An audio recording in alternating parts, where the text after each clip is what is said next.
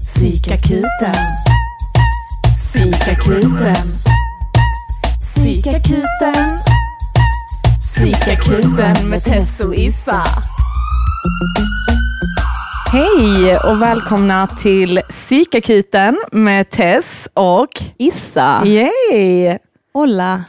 Och med oss i studion idag så har vi en gäst och det är ingen mindre än Arman Reinsson. Gäst och gäst, det är min studio.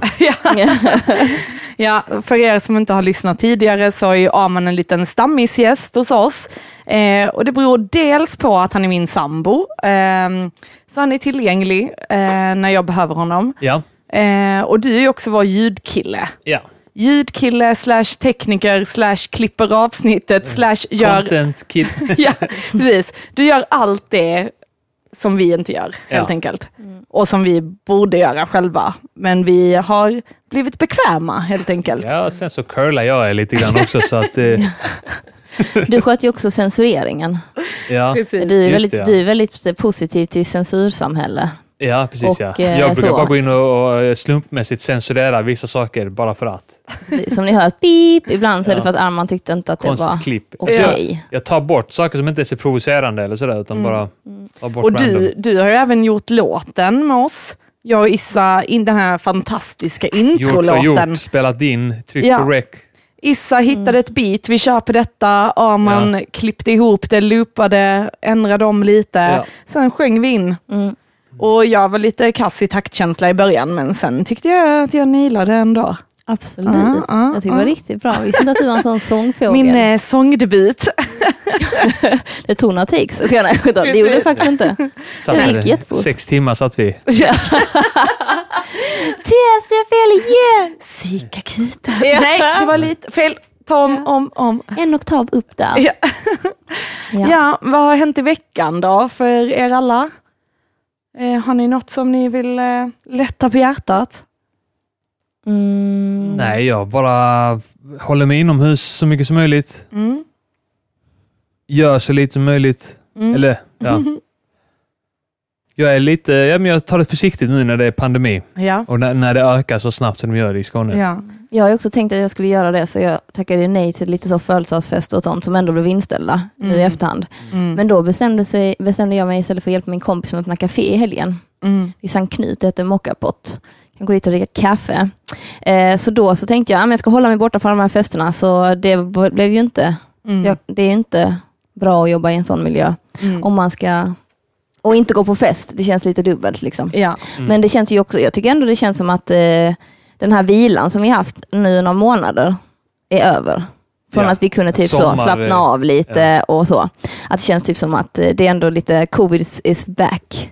Vi pratade lite om det, att vi har kompisar som har så här isolerat sig sedan våren. Mm. Och sen nu då åker de ut på stand-up-turnéer och fester. Och, alltså man bara så här, men det är ju nu ni ska isolera er. Ja. Det var inte i, I våras var det våras. ju hur lugnt som helst i Skåne. Exakt, exakt. Och, men de tyckte ju att det var väldigt mysigt. Alltså så vad de sa var mer så här, ja men de var väl ganska isolerade från början och sen så blev det så, ja men det är Sen mysigt att vi den nu kan... psykiska ohälsan krypande. Ja, precis. Det är väl det som är risken nu, att det Ja. kommer att bli mycket psykisk ohälsa. De har ju redan typ visat forskning som visar att alkoholism och missbruket har sk- skjutit i höjden. Liksom. Ja. Ehm, mm. Men jag tänkte på det, alltså det kaféet som din kompis har öppnat är ju jättemysigt och det är skitbra för att ta så här takeaway och att man kan gå ut på promenader och sådana Mm. saker. För det är ju väldigt litet, så det är liksom inget kafé som kanske är ämnat att här får vi plats 20 pers, utan Mm. det är ju ett litet mindre. Eh, så då är det lite så här taken. om- Men jag måste fråga, går café runt ekonomiskt? Det ja. känns som att allting kostar så lite. Och Runt. speciellt. Ja. Alltså för att du ska gå plus så tror jag du måste, alltså för att du ska tjäna pengar, då måste du göra till franchise. Mm. Ja, ja, ja. Liksom det, franchise är ju lite så som en pyramid, eh, s- eh, vet du det, pyramidspel. Spel. Ja, Ja. typ så här, en person öppnade ett espresso house Mm. Och sen så sålde de vidare det. Så köper du konceptet, så då tjänar ju den som, den som öppnar espresso och chillar ju bara. Men Ja. de köper ju det. Mm. Så det är väl det som är liksom... de, de har ju typ alla cash redan och allt Mm, sånt. Liksom. Men det är som Mary Kay och sånt där, Mm. de här sminkföretagen, att man gör ju det, köper för 5000 och sen kan du inte sälja det. Mm. Men hon som berättade om det sa ju att det var så himla lätt att bli Mm. rik. Ja, ja. Det är ändå Jag gick på det. Ja. Jag köpte ju Mary Kay-produkterna. Jag sen- funderade på vilken av mina vänner som hade gjort Jo, det, det var jag, jag. tänkte på det. Ja. Det var jag. Jag var även inne på att sälja så sexleksaker och ha sådana partyn. ja. Men eh, jag hakar aldrig på den. Men jag Den köpte... tycker jag du borde hakat på. Ja, det jag hade varit köpt kul. många saker. Ja. du är ensam, du behöver detta. Nu i covid-säsonger så kommer det vara Just det, perfekt. Ehm, Alltså jag och min mamma var ute och käkade eh, förra veckan och de enda som var runt omkring oss var Tinder-dejter. Ja, Så att jag tänker att det är de enda människorna som träffas ute nu för tiden. Ja. För de ställer sådana konstiga frågor som så här, hur många syskon har du? Alltså Ja. sådana fr- frågor som man bara, "Vä- vänta Mm, nu, mm. det här är ju en konstig grej. Sådana saker som man ändå glömmer. Ja. Nu har vårt en, Va? en, Va? vår ena hund har fått Vet psykbrytare. inte hur många syskon man har? Eller menar du? Ah, det, de är så många. Va? Vet du inte hur många syskon jag har? Ja, Efter men jag vet att du har... år. Okej, nu är det upp till bevis. Jag måste bara räkna dem, vänta. Kolla, han har Ja. knappt koll. Ja, okej. En riktig bror, en halvsys, eh, halvbror här i Sverige. Sen på Island så har du... Jag har inte en halvbror i Sverige. Ja, men undrar också. Jag bara, vem sa är det? Halvsyster menar jag. Ja. Som kunde varit halvbror i och för sig. ja. Hon har ju varit lite trans, liksom. Ja, ändå. Men i alla fall, sen har du en eller två systrar och en bror på Island. ja. Ja, vilket Halv. av det? Två systrar. Två systrar och en bror, ja. Ja. Ja. Men jag menar, det tog mig sju Fem år syskon. att lära mig det. Mm. Mm. ja. Det är ju så för man aldrig har träffat dem. Och hur många har testat man? Då är det, riktiga syskon är det bara två. Ett riktigt och ett halv. Ja. Ja. Men Jag räknar ändå halvbror som ett riktigt syskon. Ja, det gör inte jag. Nej, okej. Ett och ett halvt syskon. Ja. Ja. Och sen har jag mina bonussyskon. ja, och de är fyra. Ja. Oj, han hade koll. Stenkoll. Tre stycken Ja. på ena sidan och en på den andra. Då älskar du mig mer än jag älskar dig. Ja. Det har bevisats här och nu. ja. Mm, Eller jag älskar dina syskon mer än vad du älskar mina syskon. exakt, exakt. Ja, men eh, vad var det jag tänkte på? Ehm, ska vi stänga fönsterna så att vår ena hund här inte skäller? Hon är lite i spökåldern. Jag ska bara gå och se.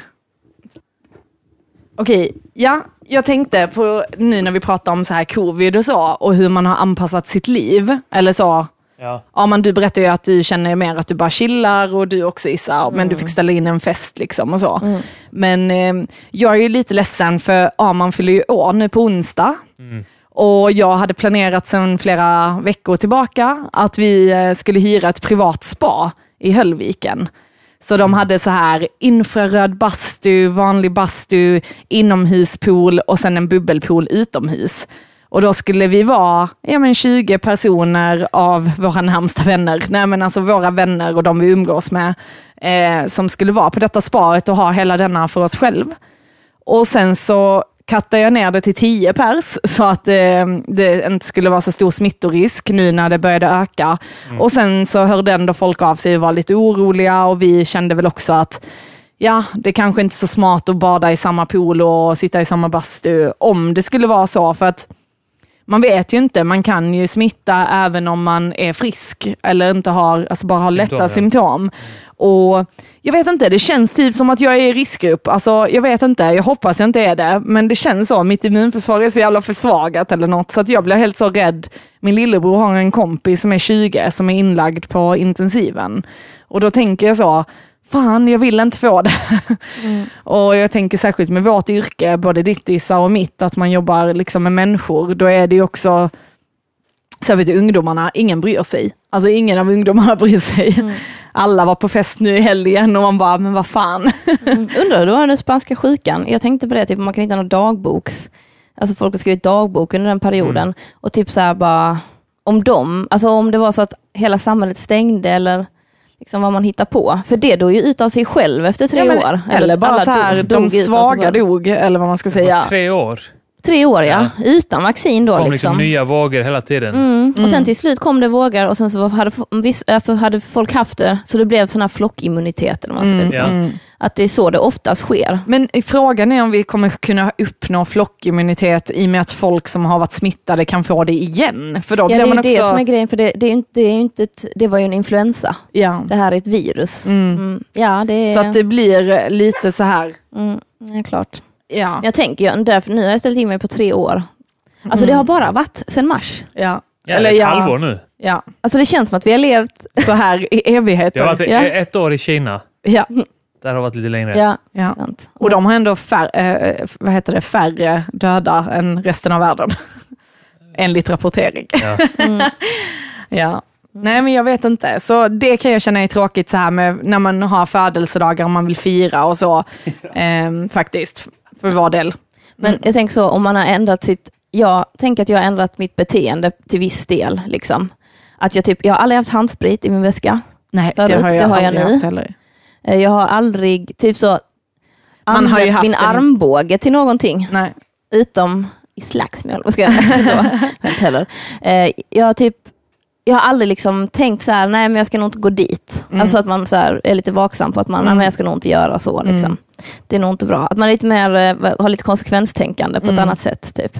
Alltså jag brukade använda mina armbågar för att jag har ju haft ledproblem, så när jag har haft ont i händerna så har jag ändå kunnat äh, ta användning av det. Liksom. Mm. Arman, du brukar ju använda dina fötter. Alltså jag vet inte, du är ju typ en apa eller något. Alltså när du går på typ pågatågen.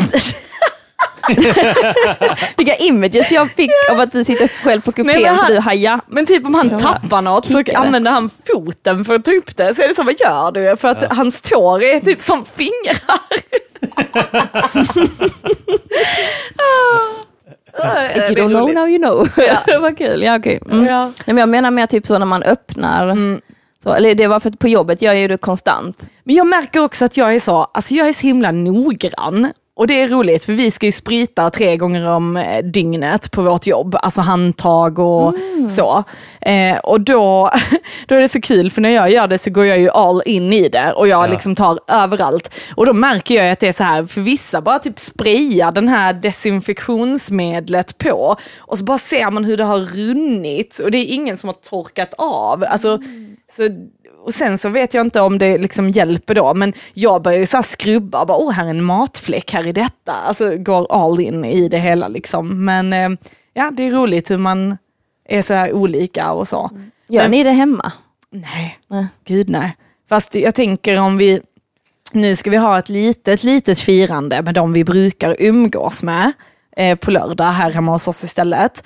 Och där tänker jag att när de har varit här så kanske man borde men så tänker jag så, även om vi hade varit på spa så hade man antagligen blivit smittad om de nu kommer hem till oss Ja, också. så var det. Ja, exakt. Ja, men jag tror att folk känner sig tryggare i att man inte sitter i en bubbelpool ihop. att Ja. man ändå kan ha liksom avstånd. Och så får man väl se till, alltså jag tänker det är väl berusningen som är lite så, Mm. att när folk blir berusade, nu tänker jag att ni kan, det är klart att folk kommer kanske om de vill dricka på lördag, men det är Ja. ju det man måste passa Men det sig märkte för. vi ju. Då Att får man sämre omdöme och man... Ja. Kom med när, närgången och så. Det där tänker jag som kafégrejen, att Ja. folk är liksom, ja de är höga på koffein, men då är de effektiva istället. De är Ja. liksom inte sloppy, Ja. om det är så. Jag måste berätta något roligt jag ska göra. Som är lite nu med covid och så. Men det är ute på landet så ligger där ett växthus utanför Oxie eh, som heter Wasabi Orangeri. Eh, och de har skrivit till mig och eh, bett mig eh, om jag vill ställa ut min konst eh, på deras lilla julmarknad, eller julrundan som det heter. Det är något samarbete, det är något kollektiv som heter Livet på landet eller något sånt. Eh, så där ska jag ställa ut min konst och det är väldigt stort det här växthuset, gigantiskt, mycket platser.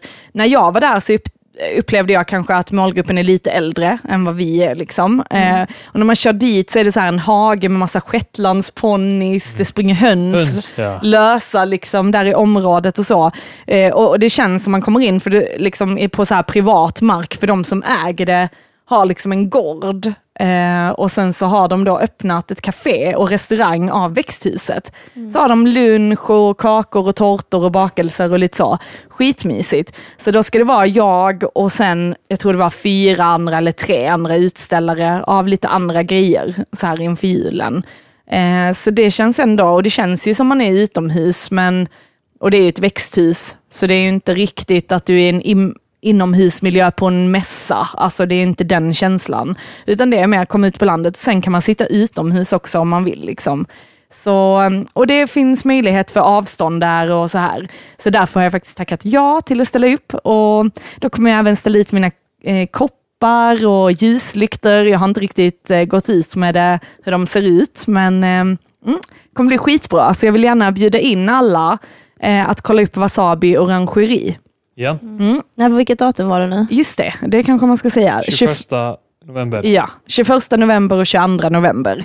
Klockan Nu 10 kommer jag på varför jag har 16. tagit ledigt från jobbet. Jag kollar på det idag. Ja, för jag du ska också vara 22. med. Ja. Så vill ni träffa psykakuten så kom förbi. ja då. Och du skulle komma på den 22 på söndagen. Och, då, och jag kommer även göra såna här små glasunderlägg och så. Så ni kan eh, faktiskt passa på att komma och hitta någon väldigt unik i sitt slag eh, julklappar till era nära och kära. Mm. Och sen kommer även konst finnas där såklart. Men jag kommer inte ställa ut mina stora verk utan det kommer vara lite mindre. Mm. Det kommer bli jätteroligt, jag är så himla taggad. Eh, och i och med det också är i utomhusmiljö, fast ändå inomhus, ja, så känns det ändå bra. Mm. Det låter kul. Ja. Jag ser fram emot det. Ja. Och jag tänkte idag eh, så ska vi snacka om KBT. Och det är också en av anledningarna till att Aman är här, för Aman har gått två gånger i KBT. Två gånger. Ja, Just det ja. Grupp, grupp KBT också ja. ja precis. Eh, och jag har precis börjat med KBT. Vad Eh, är KBT? Exakt. Det är väl, Kognitiv beteendeterapi. ja, exakt. Terapi, EU. Ja. CP. Jag trodde ni hade koll på ert liv. Ehm, Verkligen den inte. gamla läran, eller vad man ska säga, Ja. eh, från Freud och där, var ju psykodynamisk te- teori, eh, eller terapi, där man eh, gick tillbaka i barndomen. Freud var ju lite pervers och hade lite så här Ja. eh, fantasier om att alla beteende Alla. vi hade i vuxen ålder berodde på att det hade varit så här sexuella kopplingar till ens mamma. Ja.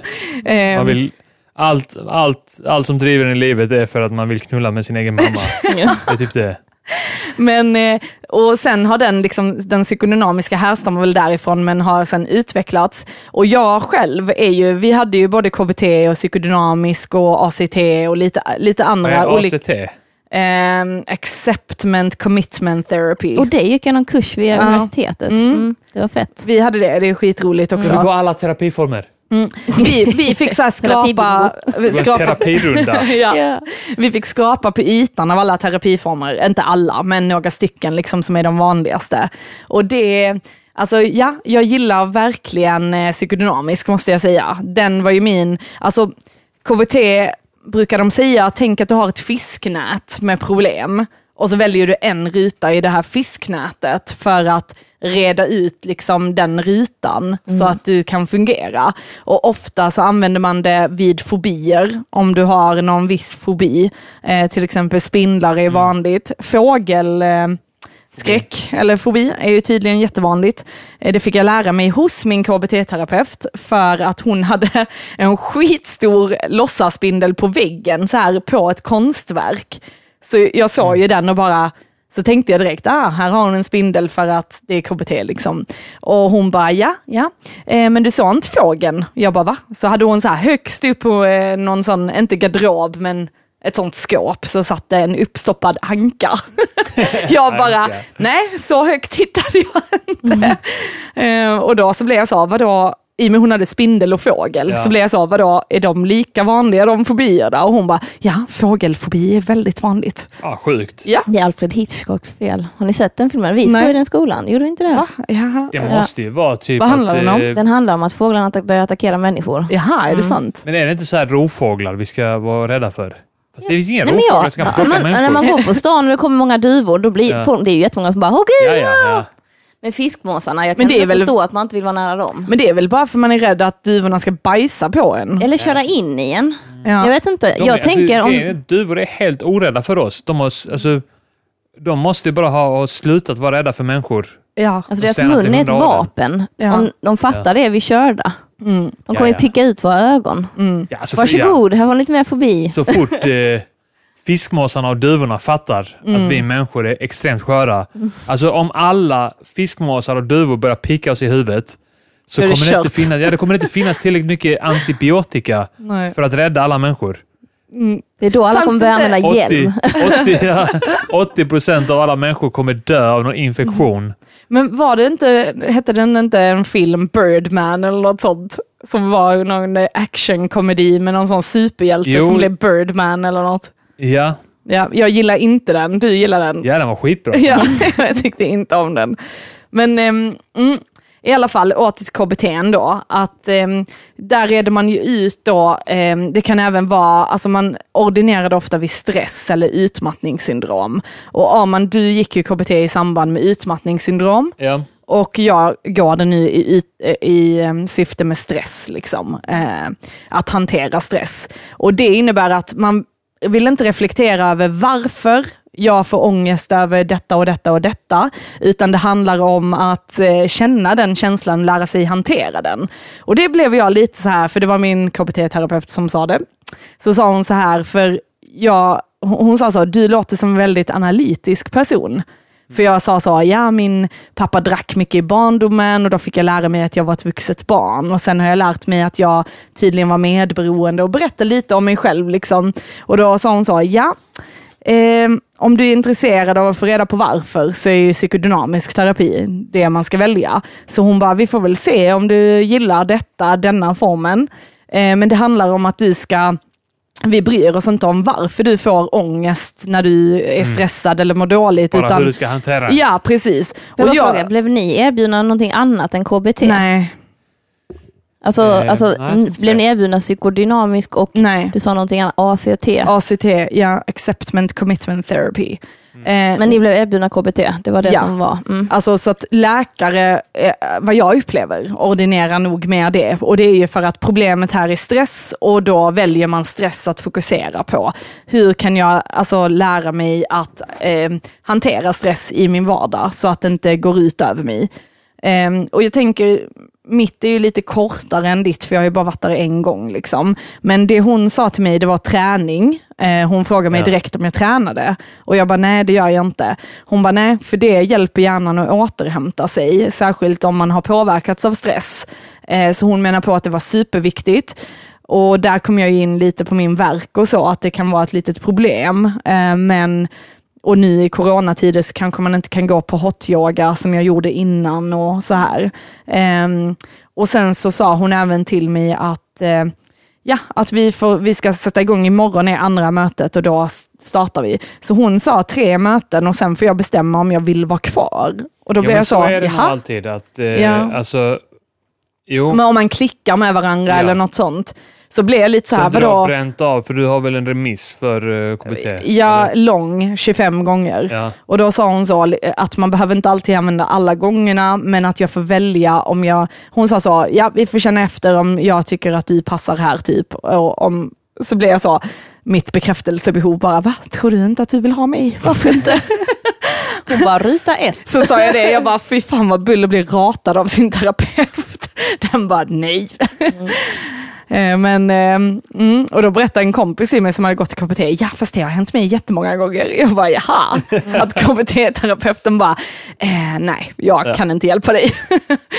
Men, eh, så det är intressant. ja, eh, och sen vet jag inte, ni vet när man sitter och pratar om sig själv och man märker ju hur de analyserar en. Och så var det roligt för jag nämnde så här, eh, hon bara, jaha, får du stöd av någon? Frågade hon liksom. Och då berättade jag att jag fick eh, stöd av min sambo då. Eh, och sen pratade, eh, pratade hon lite om, liksom, ja hur har ni det i er relation, har ni det bra och så? Och jag bara, ja vi har det bra. Så berättade jag att vi har lite olika sätt att hantera känslor på. Att jag liksom ofta eh, blir ledsen liksom, och du blir ofta arg istället. Och att du kommer från en familj där eh, alla typ har ADHD, så att alla liksom agerar ut sin ilska direkt, liksom, eller frustration, för, istället för att bära på det. Liksom. Eller ofta bär man väl på det ett tag och Ja. sen exploderar det. Eh, och när jag berättade detta, så här, det var bara liksom en liten kommentar för att ni vet hur jag är, jag pratar på. och då så säger hon, ja och det får dig att känna att det är väldigt obehagligt. Ja, jag, jag bara, Börjar sätta nej. ord i mun på dig. Ja, att, att han blir... Att, Att jag tycker det är obehagligt när han blir arg. ah, Ja. okej. Så blir jag så. Hon börjar måla upp det som att du sitter där. Åh nej, nej, nej. Min aggressiva man! Och. Ja, men, och jag tänkte direkt nu, undrar om hon tror att han slår mig nu eller? Alltså du vet att man börjar så här själv tänka. Och så tänkte jag så, fast nej. För att vi fick ju också lära oss detta i skolan och det handlar ju om, eh, det är ju typ motiverande samtalsteknik eller liknande och det handlar om att följa den andra och sen bekräfta vad den andra säger. Så att om den andra säger så, ja och så såg jag en hund med haggtän- eh, huggtänder och den dreglade och skällde högt och då säger man så du, blev, du upplevde att du blev rädd för hunden. Och så kan personen då säga ja, precis. Och så, Men då var ju hennes, då blev jag så, vadå uttryckte jag nu att det var obehagligt? För jag la ingen känsla i det. Sen ska vi inte sticka under stolen med att vi har haft långa samtal om att, vi, eh, att du inte ska slå Ja, i att, hemmet. du, att du inte ska få mig att slå saker. Men jag tänker det handlar ju främst om en ekonomisk fördel att sluta ta sönder saker i hemmet. Inte, alltså, Hon är ja. bara ute efter dina pengar. ja. Ja, ja, ja, ja. Men, eh, ja. Men, Men det, hur reagerar du då? Vad sa du till? Eller, nej, då sa jag bara nej, jag tycker inte det är obehagligt. Men sen så å andra sidan är det ju inte att jag bara yes, my favorite eh, time of the day. ja, man blir arg. alltså, så, men det, jag känner mer att jag inte har någon känsla i det. Men hon det menar sättet. väl, blir du rädd för honom? Ja, typ Ja. att jag tycker det är obehagligt, att han är obehaglig liksom. Och då blev jag Ja. lite så här, Obehagligt, nej. obehaglig. Och, och då tänkte jag lite Tycker liksom, det är behagligt att, ni, att jag är ja obehaglig? ja, ja Är det precis. du precis. går igång på? Och, men det är ju det jag menar, att, att eh, jag känner lite så här att ja, lite obehagligt kanske det är, fast det är ju inte obehagligt på det sättet hon fick det Nej, att men, låta precis, som. det, men det, du, du känner att hon kanske drar liksom för eh, mycket av slutsatser som inte... Alltså här, Ja, Att exakt. hon drar lite förhastade slutsatser. Och, Exakt, exakt. Och sen var det även att jag frågade henne så, för att i och med detta är första gången jag går i terapi, eh, och så skulle jag prata om eh, eh, något som hade hänt på jobb och eh, då sa jag, du har tystnadsplikt va? För att det är ju tystnadsplikt och jag behövde prata om mina känslor kring incidenten. Eh, och då så sen så hade jag frågat någonting när hon antecknar något, så jag bara, för då fyllde jag i sådana här massa frågeformulär Ja. som var då i syfte med utmattning och sånt. Och då så frågade jag henne så, ja alltså detta är inget som ni skickar till chefen och så, eller detta är bara som ni har. Hon bara, ja, eh, är du rädd? Känner du att du är rädd för att din chef ska... Och jag bara känner så, men vad nej. fan, där ska jag hon vill- bara svara på din fråga. Ja, jag vet. Hon ska inte börja... Nej, men jag Jag kände... blir så jävla arg alltså. Jag vill bara slå henne. Gå dit och slå sönder hela hennes kontor. Ja.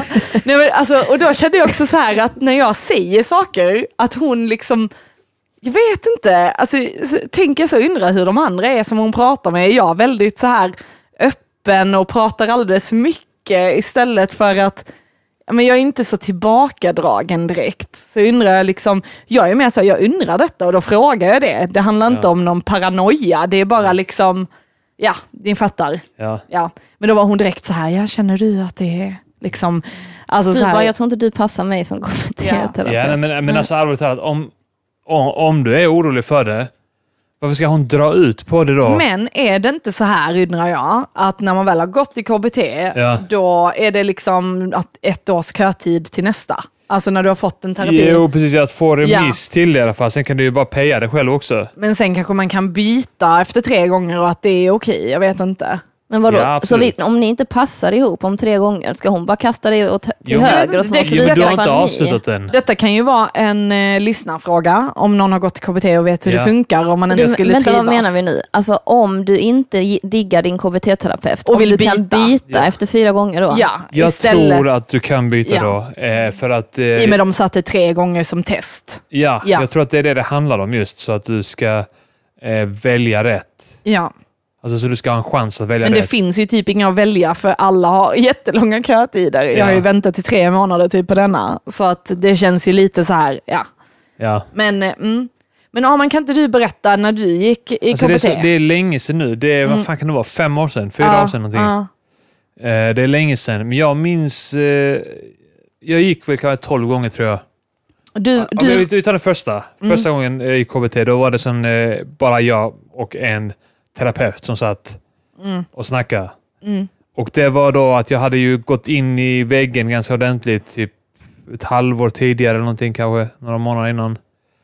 Eh, ja, typ ett år innan. Ja, och eh, så det var liksom, eh, det var utmattning slash psykisk ohälsa, utmattningsdepression kan man säga, eh, som jag gick dit för. Eh, och jag, vet inte, jag, jag minns det lite grann så som du beskrev det att Kanske inte just det här att hon som satt och drog några förhastade slutsatser, kanske lite grann att hon uppfattade det fel, det man satt och, och, och, och berättade. Liksom. Mm. Men eh, framförallt så kände jag bara lite att det ledde typ ingen vart. Mm. Att eh, det var också, men det, det, ska, ansvaret ligger också lite på en själv där. Att, att eh, prata om det man vill. Alltså så här, Mm. eh, initiera vad man ska prata om.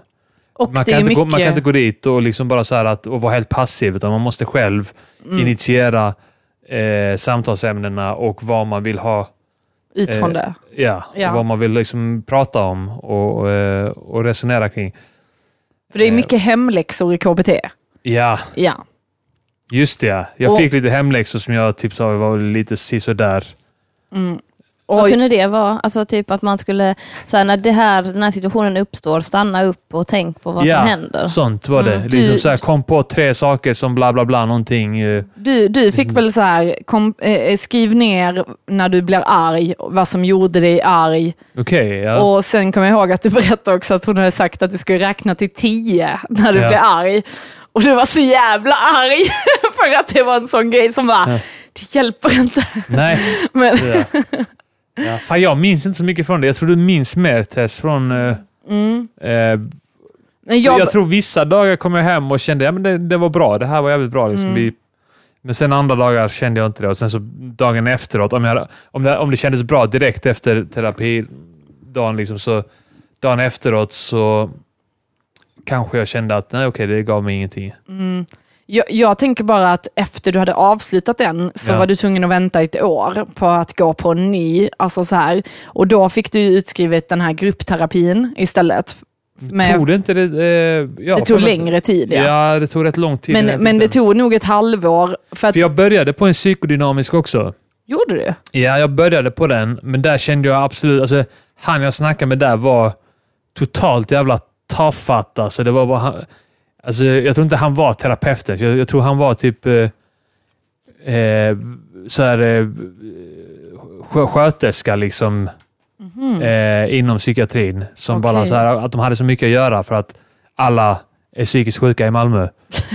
eh, så att, eh, ja, men, och, och då kändes det fel, men sen så sa jag då, tror jag andra eller tredje gången jag var hos honom, och så bara, kan jag ta den här grupp-KBT istället? Aha. Som var inriktad på, på ADHD och ADD. Mm. Och då sa han att ja, vi har ingen, eh, men det kommer börja om, om Mm. tre månader eller någonting och då kan Mm. du vara, jag kan signa upp dig på den. Mm. Och då gick jag den och det var typ 12 gånger också tror jag som Mm.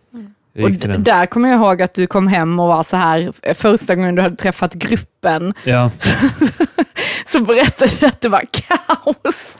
Och att de Ja. två led, eh, terapeuterna hade varit så himla gulliga och snälla och väldigt så här, Ja. och alla bara körde över dem. Jo, men det var så här att eh, alla kom in på så här sidospår och så här började snacka och alltså tog över. Alltså det var, inte, det var, det var roligt. Det var väldigt roligt. Eh, Alla tänkte ändå så här, det var sex pers med jag tror fyra stycken hade tydlig ADHD och sen var det två som hade ADD. Det var vi killar typ som var lite, lite lugnare. Och sen var det väl att folk var lite äldre och hade precis fått sin diagnos. Ja. Och du hade redan fått din diagnos flera år i förväg. Så Ja. du, du, är ju väl, eller du var ju väl införstådd med vad ADD innebär Ja. och så här. Så att när du kom, för jag kommer ihåg första gången du kom hem därifrån så var du helt så här, ja men typ så här, I'm a student. Alltså typ att du Ja. var så himla duktig. Ja. För de andra hade ingen koll på alltså, Nej, de de hade nyss grejerna. fått eh, sin diagnos. Ja. Precis, så man visste inte saker. Och sen så berättade du om några av de eh, kvinnorna som var där. Mm. Och att det också hade varit så här, att de hade skitmånga barn och det var kaos och det var ja. Allt vad det var. Ja, att de liksom inte betalade räkningar, alltså sådana klassiska grejer som man har problem med ADHD. Liksom. Mm. Eh, så du kände dig jätteduktig, att du var så här, jag behöver inte fixa något. sån... Jag eh, behöver inte förbättra något, kolla på Kolla, de är mycket värre. Eh, Men sen så, jag vet inte, alltså känner du att du lärde dig någonting? Ja, Mm. definitivt. Jag tyckte, jag tyckte nog det var det roligaste med det, att eh, sitta och prata med andra som hade liknande problem. Mm. Det var fan det bästa tror jag. Ja, identifikationen liksom. Ja. Mm. Jo, men också att eh, ja, men typ ge varandra tips och sånt där Mm. var rätt trevligt. Mm. Hur många gånger var ni i grupp?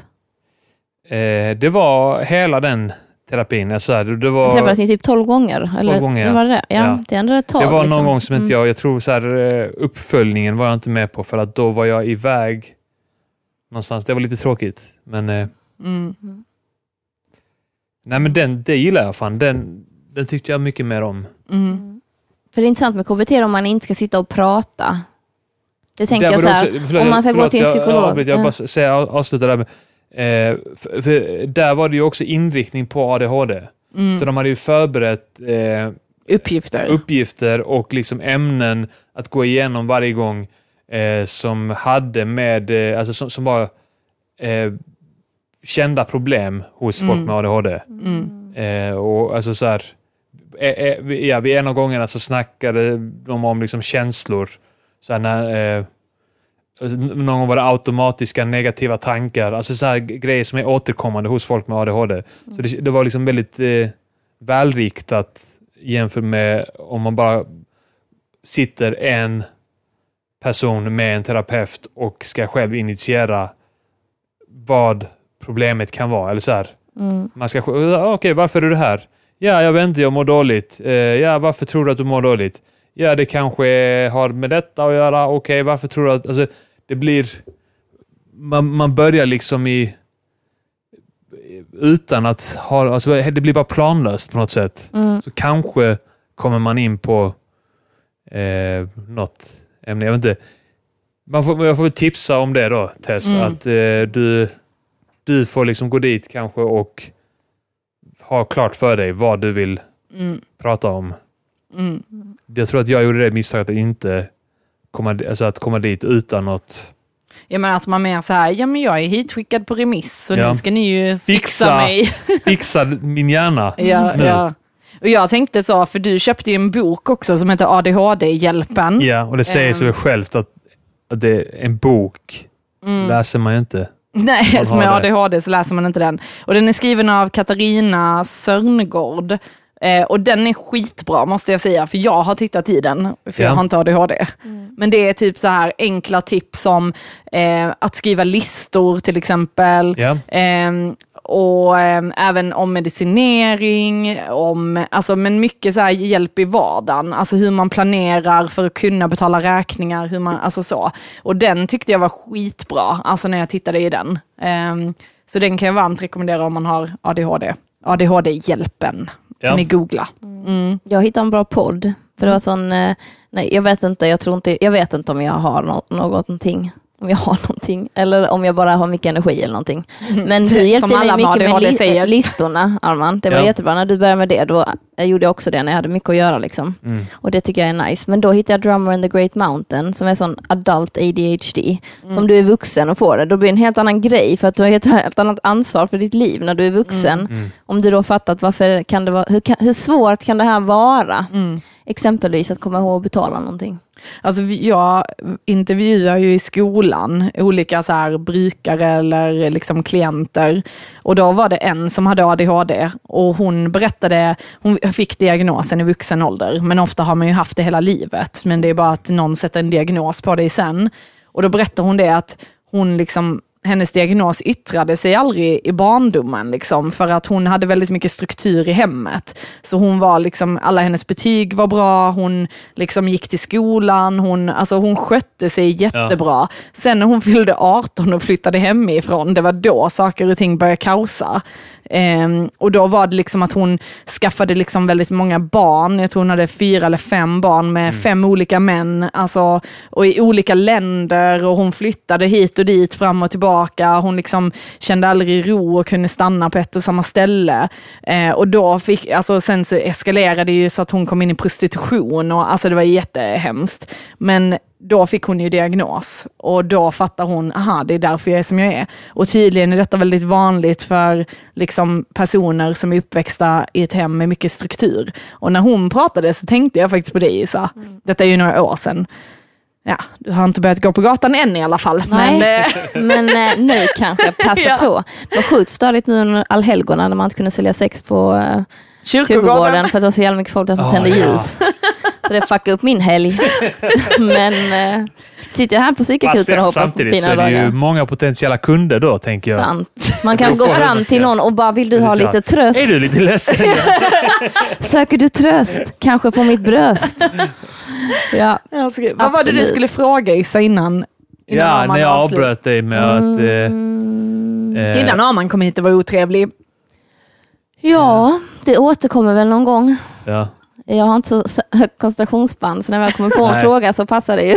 Så är det som när Arman avbröt mig.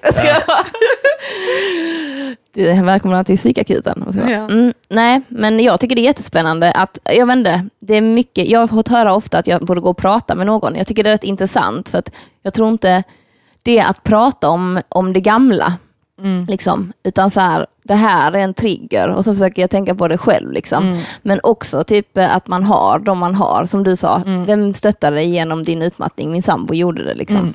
Och jag, tänk, alltså jag tänker också att det är viktigt att prata med någon. Det behöver inte alltid vara en professionell. Eh, våra lärare sa det till oss eh, i skolan faktiskt. Att eh, när man jobbar med människor så som vi kommer göra liksom i framtida yrket, så är det ofta, eller om vänner kommer med problem och så. Och att man liksom, för det första var det att vi inte ska lösa problem åt andra. Så när någon öppnar upp sig och pratar om sina problem, så ska man inte gå in i att, hur kan jag fixa detta? Eh, vilket jag fick verkligen smäll på fingrarna, för jag insåg att jag gör det hela tiden, verkligen. Ehm, och det har jag fått jobba på skitmycket, men jag märker att jag också går in i det mönstret väldigt snabbt igen. Men att lyssna och sen att inte, för många vänner upplever jag kan också säga till en, ja men du kanske borde gå till en psykolog eller du kanske borde gå i parterapi eller du borde kanske göra, alltså så här, gå till en professionell.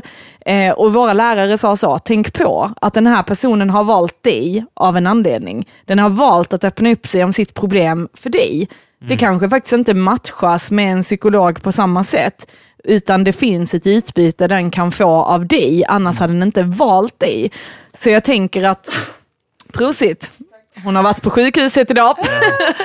Ja. Ja, nej men eh, så att där tänker jag att man inte ska bara avfärda sina vänner för att man känner att jag kan inte fixa deras problem. Nej, för det är inte det som är meningen heller. Mm. Men jag tänker också det som Alma sa, att varför det var så nice med en gruppgrej var för att man hade en igenkänningsfaktor. Ja. Jag tror snarare på Att vi det. inte dömde varandra. Ja. Alltså det, att vi kunde få det bekräftat att andra också var så och att ingen av oss dömde varandra för det. Liksom. Mm. Man Det kan nästan typ nice. så, kanske se någon humoristisk del Ja, i det. Precis, För att man båda förstår. igenkänningshumor, liksom. typ, ja. precis. Att det bara, ah, Det ja, ja. är nog liksom förlösande på ett nice sätt liksom att, eh, att kunna skratta åt det tillsammans med Mm. andra som också har samma problem. Än att höra typ, men vadå, det är ju bara att göra det. Ja. Man bara, jo, jag förstår Precis. precis, vad du menar när du säger de, så. Alla som satt, satt där hade ju liksom utvecklat någon slags eh, självförakt och, och låg självkänsla på grund av de här problemen som är kopplade till liksom, eh, svårigheter att ta tag i vissa eh, saker i livet och sånt där. Mm. Eh, och att då kunna liksom känna eh, att det inte beror på att man är liksom en, en dålig människa Mm. eller värdelös. Och också tänker jag att när man, alltså, när man kan identifiera sig själv med andra och känna gemenskap och den liksom tar bort den skammen. För att jag menar i relation mellan dig och mig, Arman, så kan jag förstå att du när du blir arg och slår i grejer, att du liksom, för, för mig är det ju bara, men gör inte det bara. Hur svårt är det? För att jag förstår ju inte det, för att Nej. jag har ju inte den problematiken. Eh, och när man Nej, sitter... du behöver inte leva med dig. Precis. Nej men alltså, och det tänker jag också med, alltså just med missbruk som vi har pratat mycket om med tolvstegsbehandling. Det handlar ju jättemycket om identifikationen. Jag tänker också som du sa med medberoende, det fanns ju också grupper för folk som är närstående Exakt. till. Det borde finnas grupper för folk som är närstående till folk Mm. med ADHD. Ja, det finns grupper för sockerberoende, alltså om du har sockerberoende. Mm, då Ja. kan man gå dit och kräva Men det är väl det som blir det svåra, om man då inte har en, liksom, en tydlig grej, en Ja. tydlig diagnos då, sockerberoende, medberoende. Vilken grupp ska man då? Om, man nu vill, om nu KBT-grupp är bra, kan det bara vara Ja. så här, random people meeting and talking? Det Nej, det du- måste nog liksom- vara, alltså jag tror, Det måste nog vara att du har ett problem. specifikt. Ja. Alltså det kan ju vadå, Men måste det vara ett problem? Kan man inte, ta ett, kan man inte ha den här typen av samtal? Vi har ju det som Ja, jag vänner, tänker man liksom. har- Jag tror ja, men- förutsättningen för att gå KBT är nog att du måste ha, alltså du måste ha det lite specificerat för dig själv då vad, eh, vad du ska få ut av det, vad du ska prata om, Mm. vad du ska få hjälp med att hantera. Så att, eh, alltså, Man målar upp liksom, vad är det som inte funkar? Okej, ja. det här, vi börjar med detta, det här funkar inte. Okej, hur ska vi kunna ta oss an det här? Och, Men jag tänker typ att det finns ju så, alltså jag menar internet är stort. Det finns ju till exempel jättemycket konton som är så här, ja men en, ett konto som en kompis tipsar mig om, eh, det är, det heter hap, happysingles.se tror jag eller något sånt. Eh, Eller dating, det var något med dating och singlar. Och då handlar det om att många hör av sig och typ är så här, jag kan inte hitta en bra man till exempel. Jag hittar bara män som är svin, jag råkar alltid ut för detta. Den här si- sidan satt du på. Ja men... Okej, men det var Paje som tipsade mig om det för att det handlade om att den här kvinnan då är någon dating För att du Detta pratade om mig. Detta låter jätteilla. Nej, det var inte för mig. Eh, Jag tipsade en annan vän om sidan, men hon ville absolut inte. Hon tyckte, dina konton är skitkassa Tess, sa hon. Men det handlar om hur man jobbar på sig själv. Och så är det ett konto då som, där hon lägger upp bilder, hon har skrivit någon sån självhjälpsbok. Och där då folk lägger upp, jag trodde inte det fanns bra män, men nu har jag träffat en för att de har lärt sig göra annorlunda saker. Så att de har förändrats och när de ser de här röda flaggorna så går de därifrån. För att man inser sitt egna värde eller liknande. Alltså, Det är rätt intressant att, eh, att liksom, blame the victim. ja, exakt, att det är lite, det är lite osmakligt, men om det då... jag vet Funkar. inte, om, ja, men det finns väl också kan man säga att det är forskning två. bakom det? Ja, men det är, man är väl både offer och medhjälpare till sitt eget eh, lidande. Att man liksom, Du skulle ju kunna literally gå därifrån, men du väljer Ja. att stanna. Mm. Så det är ju inte, det är ju ingen som håller fast dig. Nej. Men sen är det komplicerat och man kan förstå det och så. Men Ja. just att, ehm, ja men just, ja, när det gällde sån, för där menar jag bara att de tjejerna som följer detta kontot, de får säkert jättemycket stöd och inspiration och tips från varandra. För att, ja, den gemensamma nämnaren är, vi hittar inga bra män. Men det är väl en, du gör Det- samma sak Ja, hela tiden och förväntar dig ett annat resultat. Exakt, Men det är exakt. typ som om vi säger att man skulle söka jobb, så är det jag får inte jobb, men byt ditt CV eller Ja. byt ditt Ja. personliga brev, för uppenbarligen så är det ingen som hypar på det. Liksom. Exakt, exakt.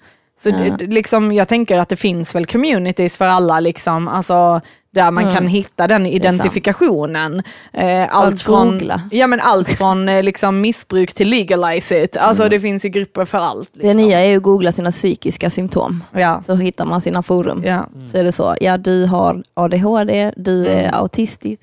Alla Men det- är ju på spektrat. Men det är ju intressant för en kompis till mig som jag aldrig har tänkt har ADHD, hon har ADHD nu som diagnos.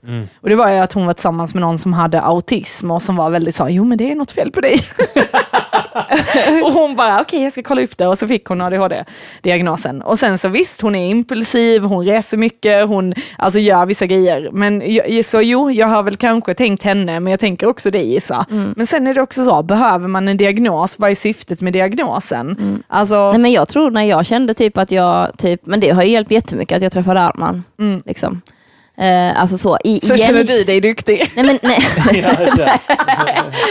Det gäller bara att träffa någon som är värre du har en så själv. framgångsrik man. Ja, nej men att man så här, första gången som jag kunde känna så eh, förstådd, att jag kunde säga saker och du bara, jag fattar vad du menar och då kände jag wo- wow. Från att komma från en miljö där jag upplever som typ som Lund, Mm. liksom, där det är väldigt högpresterande, där det är väldigt just do it mentalitet. Ja. Och man själv bara just do do do do do di da di da di da da do da di it. Alltså det är en väldigt lång väg där på it. Ja. Liksom. Och att jag kunde känna att det var skönt. Och, men det är ju det, igenkänningsfaktorn är ju toppenskön. Mm. Men då tänkte jag, okej, ja men det kanske jag har då. Och så behöver man kolla det. Liksom. Mm. Vad är det jag behöver göra? Men det är väl samma sak som typ om jag får jättemycket finnar, så okej vad åt jag? Okej, Mm. ja men då kollar jag på vad jag åt och sen så skiter jag att äta det för det fick mig inte må bra. Liksom. Ja. Istället för då KBT som handlar om att nu är jag finnig som en eh, riktig prickig korv. Men jag stannar i den här känslan. Så tänker du istället, Va, varför? Varför hände detta? Mm. Och hur kan jag ändra det? Jag tänker ju också så, har jag ångest så är jag inte jätteintresserad av att bara njuta av den känslan. Och jag är mer intresserad av att varför får jag ångest? Vad behöver jag ändra i mitt liv? Mm. Ehm, Men beteende då, men då blir det ju mitt beteende förändras. Jag måste ju kolla på vad det är jag gör för att kunna förändra mitt beteende. Mm. Så då ska, vi säger jag äter chips, jag vet inte, jag får inte av det, men vi säger chips. Mm. Och sen är det så, okej, jag får finnar av chips. Då slutar jag äta chips, då förändrar jag mitt beteende, jag slutar äta chips. Är inte Mm. det KBT? Eller jag fattar inte vad KBT är. KBT Ja. är... Du ska väl förändra ditt beteende men samtidigt som du också ska lära dig hantera, alltså jag tror, jag tror att kanske många som går i KBT har jättemycket panikångest och sånt som lamslår en och när man får en panikångestattack istället för att lägga dig ner på marken och krascha så kanske det handlar om att andas, alltså Ja. hon pratar mycket om Och träning, tänka. mindfulness och eh, Men det är också, alltså KBT handlar väl främst om, eh, om ditt alltså, tankesätt. Mm. Vad har du för liksom, go-to-tankar? Dina automatiska tankar. Att du kanske börjar ifrågasätta dem lite grann. ja, men typ Eh, att och- jag känner mig värdelös. Och, så ja, det så. och, och vad är det värsta som kan hända, tror jag är en Ja, vanlig ja. frågeställning. Så det är liksom nu, nu får jag känslan. Ja. Okej, vad säger den? Den Ja, säger att jag jag är göra? värdelös. Okej, men jag är inte värdelös. Kanske lite backtracking också, som du säger. Alltså att man... Men eh, inte så, när jag var fem så var det någon som slog mig på Nej, armen. exakt. Men lite Nej. grann utav bara så här, vad hände precis innan jag kände det här? Mm. Men det kan ju Eh. vara, jag tänker föräldrar kan ju vara en trigger till exempel för många. Och då kan det vara till exempel att varje gång din mamma ringer eller din pappa ringer så känner du dig värdelös, du känner dig liksom så här, då kan det vara att du kanske bara så här, okej, vad måste jag göra annorlunda? Alltså Måste det, döda mina föräldrar. Beteendeförändring, vanligaste. döda. Det är det vanligaste man kommer fram till på KBT. ja, Ja, Förlåt. ja, nej, det är okej. det är okej. Mm, nej men det är spännande. Det är ju spännande att man kan testa olika och sen se vilka som passar en. Ja. Liksom. Men, Och också mm. att de har olika syften tänker jag på. Men något hon sa till mig, det var ju för att jag upplever att det vanligaste är med utmattning och stress och sånt, är att man får KBT. Eh, men hon sa, KBT är ju inte den, eh, det är ju inte egentligen en metod som används vid stress. Så blev jag så, jaha, va?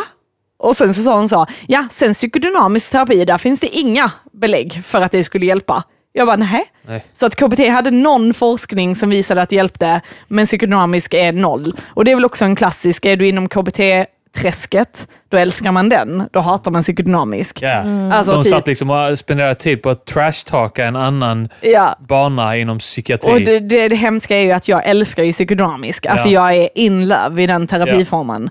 Sen fick vi se videos därifrån när det var ett, eh, ett sånt samtal och han var jättedålig, han terapeuten. Och då tänkte jag också så, Men är inte det så är bryter man inte ihop och sånt skit? Ja, man bryter Ja. väl ihop för att kunna plocka ihop bitarna och att man har faktiskt bearbetat det och släppt det. Det är Ja. inte negativt att bryta ihop tänker jag, utan du gör det i ett gott syfte för att du hanterar problemet då. Mm. Mm. Det är därför du försöker få mig att bryta ihop hela tiden. Jag kommer aldrig lyckas knäcka mig. Utan att bearbeta det, bryt ihop och sen om och om igen. Nej men jag är ju ingen terapeut på det sättet.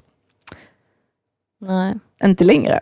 Men jag tänker att man kommer väl till en period i sitt liv Alltså jag vet inte, jag tänkte på det idag, att jag bara shit, innan tänkte jag aldrig. Alltså innan reflekterade jag noll. Det var Va? jätteskönt. Jag, alltså, att leva i sitt huvud, jag har aldrig gjort det Oj. förrän jag blev 27.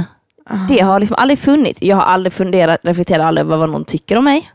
Jag reflekterade aldrig över vad jag gör, utan jag bara gör. Va? Och igår finns inte längre. Det finns Oj. bara nu. Något jag och så tycker, lite framåt. Men något jag tycker är intressant med er två, där ni faktiskt är väldigt lika, det är typ att om ni har eh, en, liksom, ja men det är något som har hänt i ert liv som är jobbigt, då kan ni stänga av och sen gå till jobbet som vanligt, till exempel. Alltså det, att, det kallas för att vara vuxen. You should try it sometime. Ja. Nej men jag alltså fattar, ja. medan jag som alltid har varit en person som reflekterar, överanalyserar, tänker mycket, alltså så här, Mm. då för mig har det varit så här, ja men nu har jag haft ett bråk med någon, nej jag mår så dåligt så att jag får ju sjuka mig. Alltså nu har det ju inte hänt så här. Ja, men jag kommer ihåg i början när du och jag träffades så Ja. kunde vi ha tjafsat om någonting. Då var jag ju så här, nej jag går inte till skolan, nej jag gör inte det. Nej, men du kunde gå och jobba, sen kunde du gå ut och dricka öl med kompisar och jag var så, Man kan är ju nu, man är ju här. "Eh, jag är Problemet, i problemet. finns ju inte. Jo, är jag är i problemet och stannar där och det måste lösas. Så därför har jag också en väldigt stor benägenhet att lösa Det låter saker. jättejobbigt att vara ihop med dig. Ja, men jag måste ju lösa det. Vad fan? ja, men jag fattar din poäng. Men Det är väl som vi diskuterat, att man är helt olika.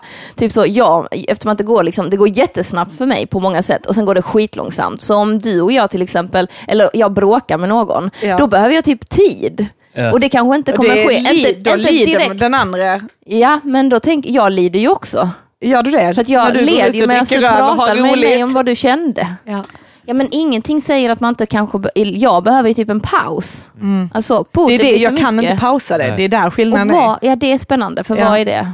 Ja, jag vet inte, att jag är väldigt empatisk och i kontakt med mina känslor kanske. Ja, empati är Eller ju inte... ältande Nej men inte ältande. slav under dina känslor. Ja, slav. Overthinker kanske?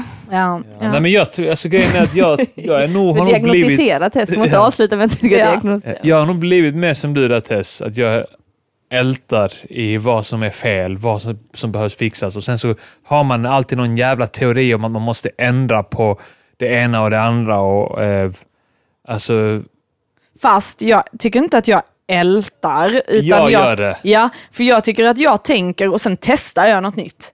Jag tror Mm. att du mer tänker på vad du borde ändra och sen inte gör det. Okej. Eller? Eller fattar du vad jag menar? Vässa de armbågarna här. Ska jag bara- Eh, ja, nej, jag vet, inte, jag vet inte om jag fattar riktigt. Eller så här. Men måste Nej. man lösa det direkt liksom? Man ska inte, eller så, måste man lösa allting direkt? Kan man inte sprida ut över flera dagar? Och så Men gör det man det ju fyra på- timmar per dag? Det beror på kanske vad det handlar om. Alltså jag är med, Mm. jag, det jag menar är att jag kan inte sova, jag kan inte äta, jag kan inte jobba, jag kan inte göra någonting om jag mår dåligt. Alltså det är ju därför det är ju därför det är fruktansvärt när det liksom är breakup eller hjärtesorg och sådana grejer. För att då tar det tid att gå över. Ja men det så, men, jag, men om jag har det. hjärtesorg, Ja. alltså, jag har ju stått, min första kille när vi gjorde slut så stod jag på jobbet i någon bar och så kommer en jävla kille som bara, min flickvän är slut med mig och då börjar jag gråta där och eh, vill gå hem. Alltså det är inte så att jag bara Stone en cold. robot som bara bip, bop, bop, bop, bop. Det är bara att om ingen påminner mig om, alltså på något sätt så påminner jag inte mig själv. men, att, men jag vet inte, jag tränar jättemycket på att känna mina känslor när de uppkommer. Mm. För min grej blir ju annars att de blir så stora. Desto mer jag låter det vara, desto mer exploderar jag. Sen exploderar jag ju verbalt ofta, Mm. inte fysiskt liksom. Och att det blir att någon får det. Och eh, akta dig för den som la i den sista koppen vatten så det rann över. Liksom. Ja. För att det, det behöver inte betyda att det var du som fyllde på hela kannan, men du Nej. gjorde den sista, så Ja. nu här får du det. Liksom. Ja. Been Alltså, there. alltså, en extra till er där ute. Var inte en sån som häller på en enda lilla droppe Mm. i Isas bä- bägare. För att det kan alltid vara Att eh, Man vet inte när över hon där. kommer explodera. Men då Nej. bara se till så att, eller så det jag okej hur ser bägaren ut här nu? Jag vill ju, alltså det måste ju vara lite i den för man går ju runt, livet är jobbigt. Men liksom Ja, ja. kanske inte på den gränsen där det är liksom att man tar skit eller så, att jag bara, jag tar det. Alltså det är så här, någon ger mig det, jag tar det och så tar jag det och så tar jag det och så tar jag det. Istället för att jag bara, nej. Alltså att sätta gränser för mig är ju helt nytt. Så här säga, nej. Jag vill inte det. Och sen så pratar jag med folk som bara, man ska aldrig säga nej, man ska alltid hålla saker öppet. Då känner jag bara, nu är jag jätteförvirrad. Innan så jag bara, ja, ja, ja, ja. Och sen säger jag nej, nej, nej. Och sen ska jag vara någon Vet du slags vad? våg... Balans. Ja, jag vet det. Men vet ni vad jag tror? Helt jag kom- konsekvent varannan gång ja och sen varannan gång nej. Skitbra man, balans, där har vi Ja. det. Men vet ni vad jag kom på vad det kan vara You med mig? Alltså nu i och med jag är den som sticker ut här. Det kan vara att jag vill ha kontroll och när jag inte kan kontrollera saker och ting, då kan jag inte släppa det. Medan ni tänker kanske, vi kan inte kontrollera detta, det får bli som det blir. Ja, Ja, jag ja men, tänker eller inte så. undermedvetet kanske, nu när du Jag säger det. ta tag Så... i det sen. Nu vill jag ha kul istället. Så- Ja, men typ, ja, nu är jag ju här liksom. Ja. Ska jag sitta här och vara ledsen liksom. Ja, det ser jätteroligt ut att vara, ha kul och göra roliga saker istället för att bara, hur kan jag lösa detta? Ja, Det låter som ett heltidsarbete i sig. Du förstår Ja. varför du tar ledigt, för du har åtta timmar du ska spendera på att fundera över hur du ska lösa någonting. ja. Hur kan jag få denna personen att älska mig? Hur, kan jag, hur kan jag kontrollera den här människan som är som jag vill? Ja. Låt mig fundera och Ja. göra en plan. Nej, jag vet inte. Men sen också, jag, jag känner att jag inte har så mycket kontroll. Så därför så är det väl att jag in, är van vid den känslan. Av att jag inte liksom, alltså det är inte så att jag känner så här, jag har ingen kontroll över mitt liv alls, men jag vet att det finns en tendens hos mig att jag inte upplever det. Så den är kanske mer vanlig. Jag har tänkt på det skitmycket som du sa till mig Issa, att, jag tror det var du, så sa du så, vi har aldrig kontroll, men vi lurar oss själva att vi har det. Och jag har tänkt skitmycket på det och använt det också i råd till andra. Att bara så här, någon som säger, jag hatar att jag inte har kontroll över detta och detta och detta. Och man bara, fast du har ju egentligen inte det heller. Och just när man tittar på dating och sånt så brukar jag också tänka på det med, alltså när folk försöker kontrollera den andra till att vilja saker och ting så tänker jag så, men är det menat att bli så kommer det att bli. Och är det inte menat att bli, men sen är det så himla enkelt att säga det när man inte är i det själv. För när man väl är i det så vill man så gärna. Men jag tänker alltid så, vad bra att den dörren stängdes, för då kommer det komma något ännu bättre. Men när man väl vill ha det jävla svinet och är helt hjärtekrossad, då kanske det är svårt att tänka så. I don't know. Men allting är ju en upplevelse. Mm. Jag upplever att jag har kontroll. Jag upplever ju att jag kommer få ha mitt jobb. Jag upplever ju det. Och det är väl jättehärligt att känna det. Men ja, är så här, om en aspekt av mitt liv är, är kontrollerad så är det väl okej. Men det är väl det som är det jobbigaste med relationer. Det är att vi kan inte kontrollera varandra. Nej. Men KBT handlar väl om att kunna kontrollera sig själv. Så här, Ja. Det kommer vara skitmycket stress, det kommer vara de här grejerna. Men hur ska jag, Mm. hur ska Exakt. jag agera liksom? Exakt. Och det tänker jag ju hela tiden. Alltså jag hade ju problem när folk inte log mot mig. Alltså typ så, de hatar mig. De hatar mig, de ler inte. Så bara, Isabel, alltså du ler inte alltid till andra människor. Kan inte ställa kravet på att hela världen måste le för att det ska vara okej. Ja, Så jag jobbar skitmycket på Om man det. snackar om eh, automatiska negativa tankar så är det en klassisk sån. Mm. Att, eh, att du förväntar dig, eller du, det, du tror det värsta liksom. Mm. Och då utifrån- uppfylls det tycker jag.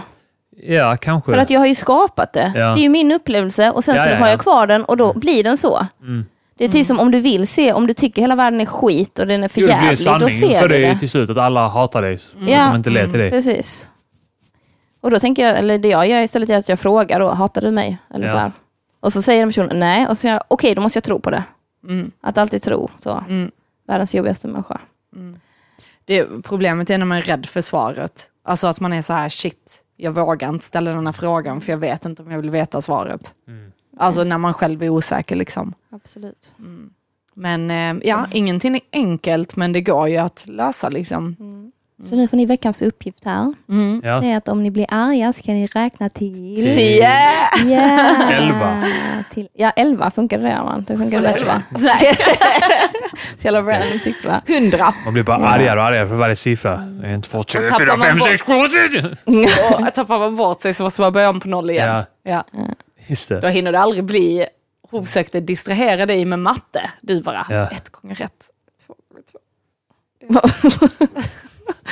Härligt. Ja. Mm. Ehm, ja, jag tycker att vi har behandlat KBT, vi får väl bli lite mer experter på ämnet tänker jag. Mm. Mm, vi får se hur utvecklingen, ja precis. Jag ska bara gå, skvallra i podden varje vecka. Va? Som, Detta har min KBT-terapeut sagt. Men jag Ja. kommer ihåg, jag hade en kompis som gick i KBT och det var så roligt för att den här kompisen upplevde jag var väldigt egoistisk och självcentrerad och så här. Och när man pratade med henne sen så var det väldigt så, min terapeut säger till mig att jag är alldeles för snäll till andra. Så blev jag så, eh, va? Ja. Jag, jag sätter alla andras behov före mitt eget. Exakt, och jag tänkte så, eh, vad har du sagt Ja. till din terapeut? Det är det som är grejen också med KBT, att menar, du kan sitta där och bullshitta också. Ja, ja, men då blir det ju ingen förändring. Nej, och då är det så, ja, det låter ju fruktansvärt. Kommer man säga. Då Mm. kanske du inte ska... Umgås med den längre. Ja, precis. Du Ja. kanske, Om du tänker på andra, då kanske du ska tänka på dig själv mer. För att Mm. du, alltså, det är väl klart att, att Ja, terapeuten har ju bara det du berättar Ja. att gå på. Därför tänker jag att egentligen parterapi är det mest intressanta av allt detta. För då måste du liksom lyssna på två. Få olika sanningar Ja. som kan motsäga. Precis, Ja. eller familjeterapi. Liksom. Ja. Att man så här, Mer än en terapi. ja precis. Men sen tycker jag också det är intressant för om jag tar av erfarenhet folk som jag vet har gått i familjeterapi, där man vet att de, de här människorna behöver verkligen hjälp att förändra saker och ting. Då är det ofta så här, nej det funkar inte, de ville bara att jag skulle göra en massa. Man bara, ja för det är du som är problemet. Ja. Men de tycker absolut inte det. Alltså, så det är ju väldigt, alltså, jag tänker också mycket på det, hur når man någon som är ja, men lite svårare psykiskt sjuk kanske man säger. Alltså i så fall. Alltså så här, ja. ja. Nej, det ska bli spännande att se utvecklingen här. Ja. Mm. Jag ser fram emot beteendeförändringar. Mm, precis. så, du blir, så du inte känner lika stressad Tess. Ja, Det precis. ska bli härligt att höra. Mm. Har vi något vi vill plugga inför eh, Kom på drop-in på, alla, på eh, Studiefrämjandet. Det är typ det enda stället man kan gå och dansa på nu. Så kom och dansa med mig imorgon, tisdag. Nej, det här kommer inte att ha släppts. Tisdagar klockan sex till halv åtta ja. på Studiefrämjandet. Alla kan dansa. Arman, har du något som du vill tipsa lyssnarna om? Jag har poddar som heter Mata grisen, Måndag och Music Yearnings podcaster. Mm. Och du är ju ja, musikproducent och artist. Och, Ja, ja. konstnär. Så är, ja, precis. Och är man intresserad av musik så tipsar jag ju verkligen om Music Gunnings podcaster. Ja, Och Mata grisen är mer en snackepodd. en snackig podd ja. Och Måndag är nyhetspodd. Mm. Ja, och eh, vi vill gärna påminna alla om att bli Patreons till oss. Eh, nu blev ju sparet lite uppskjutet för mig och Issa med tanke på covid-19. Men det är bara bra för då kan vi klirra in i kassan så att vi kan unna oss något lite lyxigare. Kanske en behandling till och med. Mm. Så eh, www.patreon.com snedstreck psykakuten. Eller så kan ni swisha privat eh, som en valfri gåva till mig på 0739 67 87 39. För er som tycker Patreon verkar vara lite klyddigt eh, så får ni jättegärna göra det och skänka ett bidrag. Eh, och stötta denna podden. typ liksom. gåva, Ja, psykakuten. precis. Så att vi inte får klydd med Skatteverket. Ja. Ehm, och sen kom på julmarknad, köp lite julklappar som är väldigt unika. Det finns bara ett exemplar av dem i hela världen. Va? Så ehm, Wasabi Orangeri. Mm. Eh, Den 21 och 22 november. Håll utkik på min Instagram och Facebook-sida Art by Björk. Eh, på Insta heter jag art by björk. Och vad heter du på Insta? Boombellan. Ja, och Arman. Arman, Arman. Ja. Arman, Arman. Yes. Tack så mycket. Tack för att du kom Arman. Ja, mycket. tack för att jag fick vara med. Ja. Vi hörs. Hej.